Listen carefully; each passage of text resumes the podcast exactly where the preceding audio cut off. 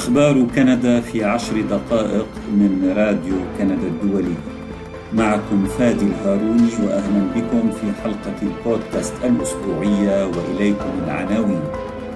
رحيل أسطورة الهوكي الكندي جي لافلور ارتفاع معدل التضخم إلى 6.7% وروسيا تضيف 61 شخصية كندية إلى قائمة المحظورين من دخول أراضيها التفاصيل من راديو كندا الدولي.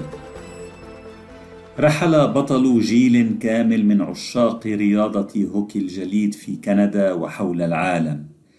جي لافلور المهاجم الأسطوري في فريق كنديان دو مونريال أسلم الروح اليوم عن سبعين عاماً بعد صراع طويل مع مرض السرطان. ببالغ الأسى علمنا بوفاة جي لافلور.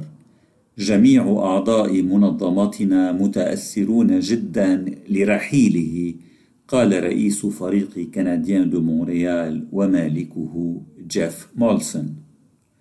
عرف لافلور مسيرة استثنائية وظل على الدوام متواضعا يمكن الوصول إليه.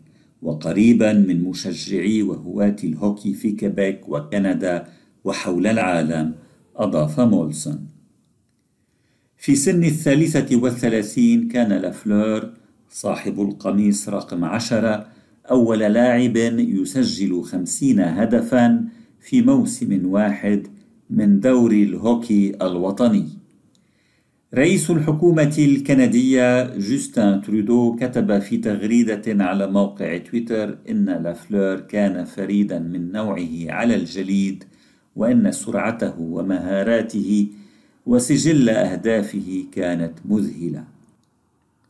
بأرقامه القياسية وكؤوس ستانلي الخمسة ألهم عددا لا يحصى من الكيبيكيين والكنديين والمشجعين في جميع أنحاء العالم. سنفتقدك يا رقم عشرة أضاف ترودو باسم الأمة الكيبيكية أود أن أتقدم بأصدق التعازي لأسرة جي لافلور وأحبائه. بوفاته كل كيبيك في حالة حداد. طبع جي لافلور عدة أجيال بإنجازاته الرياضية وأيضا بلطفه وكرمه قال رئيس حكومة مقاطعة كيبيك فرانسوا لوغو. أنت تستمع إلى البودكاست الأسبوعي من راديو كندا الدولي. استمر مؤشر أسعار المستهلك في الارتفاع في كندا وبلغ معدل التضخم السنوي في آذار مارس 6.7%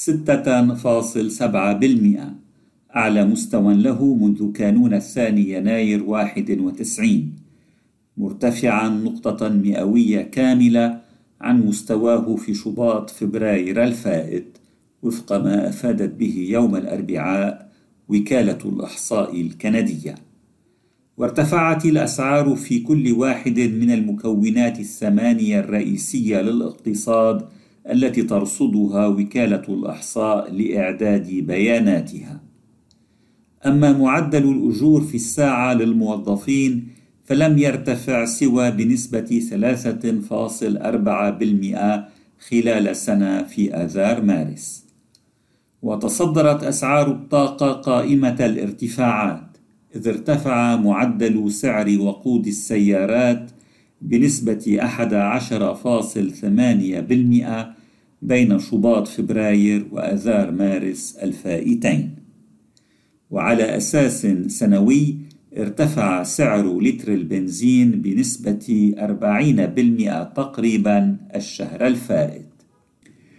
أما المواد الغذائية فارتفعت أسعارها بنسبة 8.7% خلال سنة. وهذه أكبر زيادة سنوية في أسعار الأغذية منذ آذار مارس من عام 2009 تعزى الزيادات إلى أسعار العقود الآجلة للقمح التي ارتفعت إلى أعلى مستوى لها منذ أربعة عشر عاما في ظل النزاع المسلح بين روسيا وأوكرانيا وهما مصدران رئيسيان للقمح. وكانت أسعار الأسمدة وهي أحد المدخلات الرئيسية في إنتاج القمح مرتفعة قبل الغزو الروسي لأوكرانيا وهذا عائد جزئيا إلى ارتفاع أسعار الطاقة شرحت وكالة الإحصاء الكندية. ويدفع التضخم المتصاعد في أسعار المواد الغذائية المزيد من المستهلكين إلى تغيير عاداتهم الغذائية. أنت تستمع إلى أخبار كندا في عشر دقائق البودكاست الأسبوعي من راديو كندا الدولي.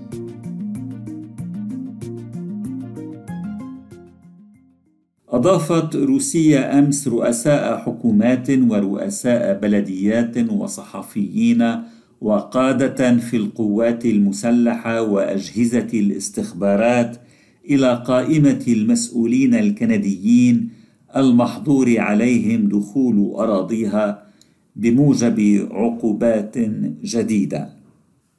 وهذه الشخصيات المستهدفة البالغ عددها واحدا وستين ضالعة في تطوير التوجهات المعادية للروس وتبريرها وتنفيذها من قبل النظام الحاكم في كندا قالت وزارة الخارجية الروسية على موقعها الإلكتروني. وتضم هذه القائمة الجديدة خمسة رؤساء حكومات مقاطعات من بينهم دوغ فورد رئيس حكومة أونتاريو كبرى مقاطعات كندا.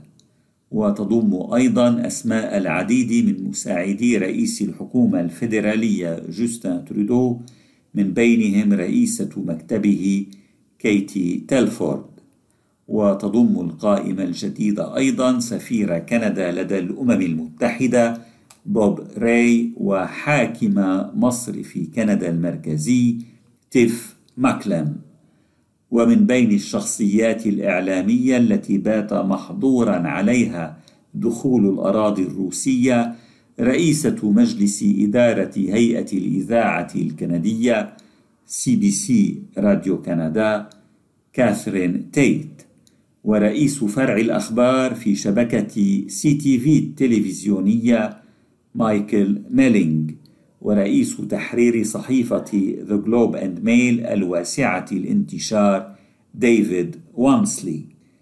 ومن بين القادة العسكريين المشمولين بالعقوبات الروسية الجديدة القائد الحالي لعملية يونيفاير اللفتنانت جنرال لوك فريدريك جيلبير وخمسة من أسلافه.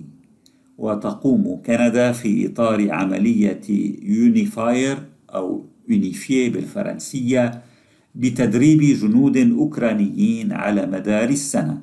وقبل ثلاثة أشهر مددت كندا العملية ثلاث سنوات إضافية ووسعت نطاقها استجابة لطلب أوكرانيا بعد أن كان من المقرر أن تنتهي في آخر آذار مارس.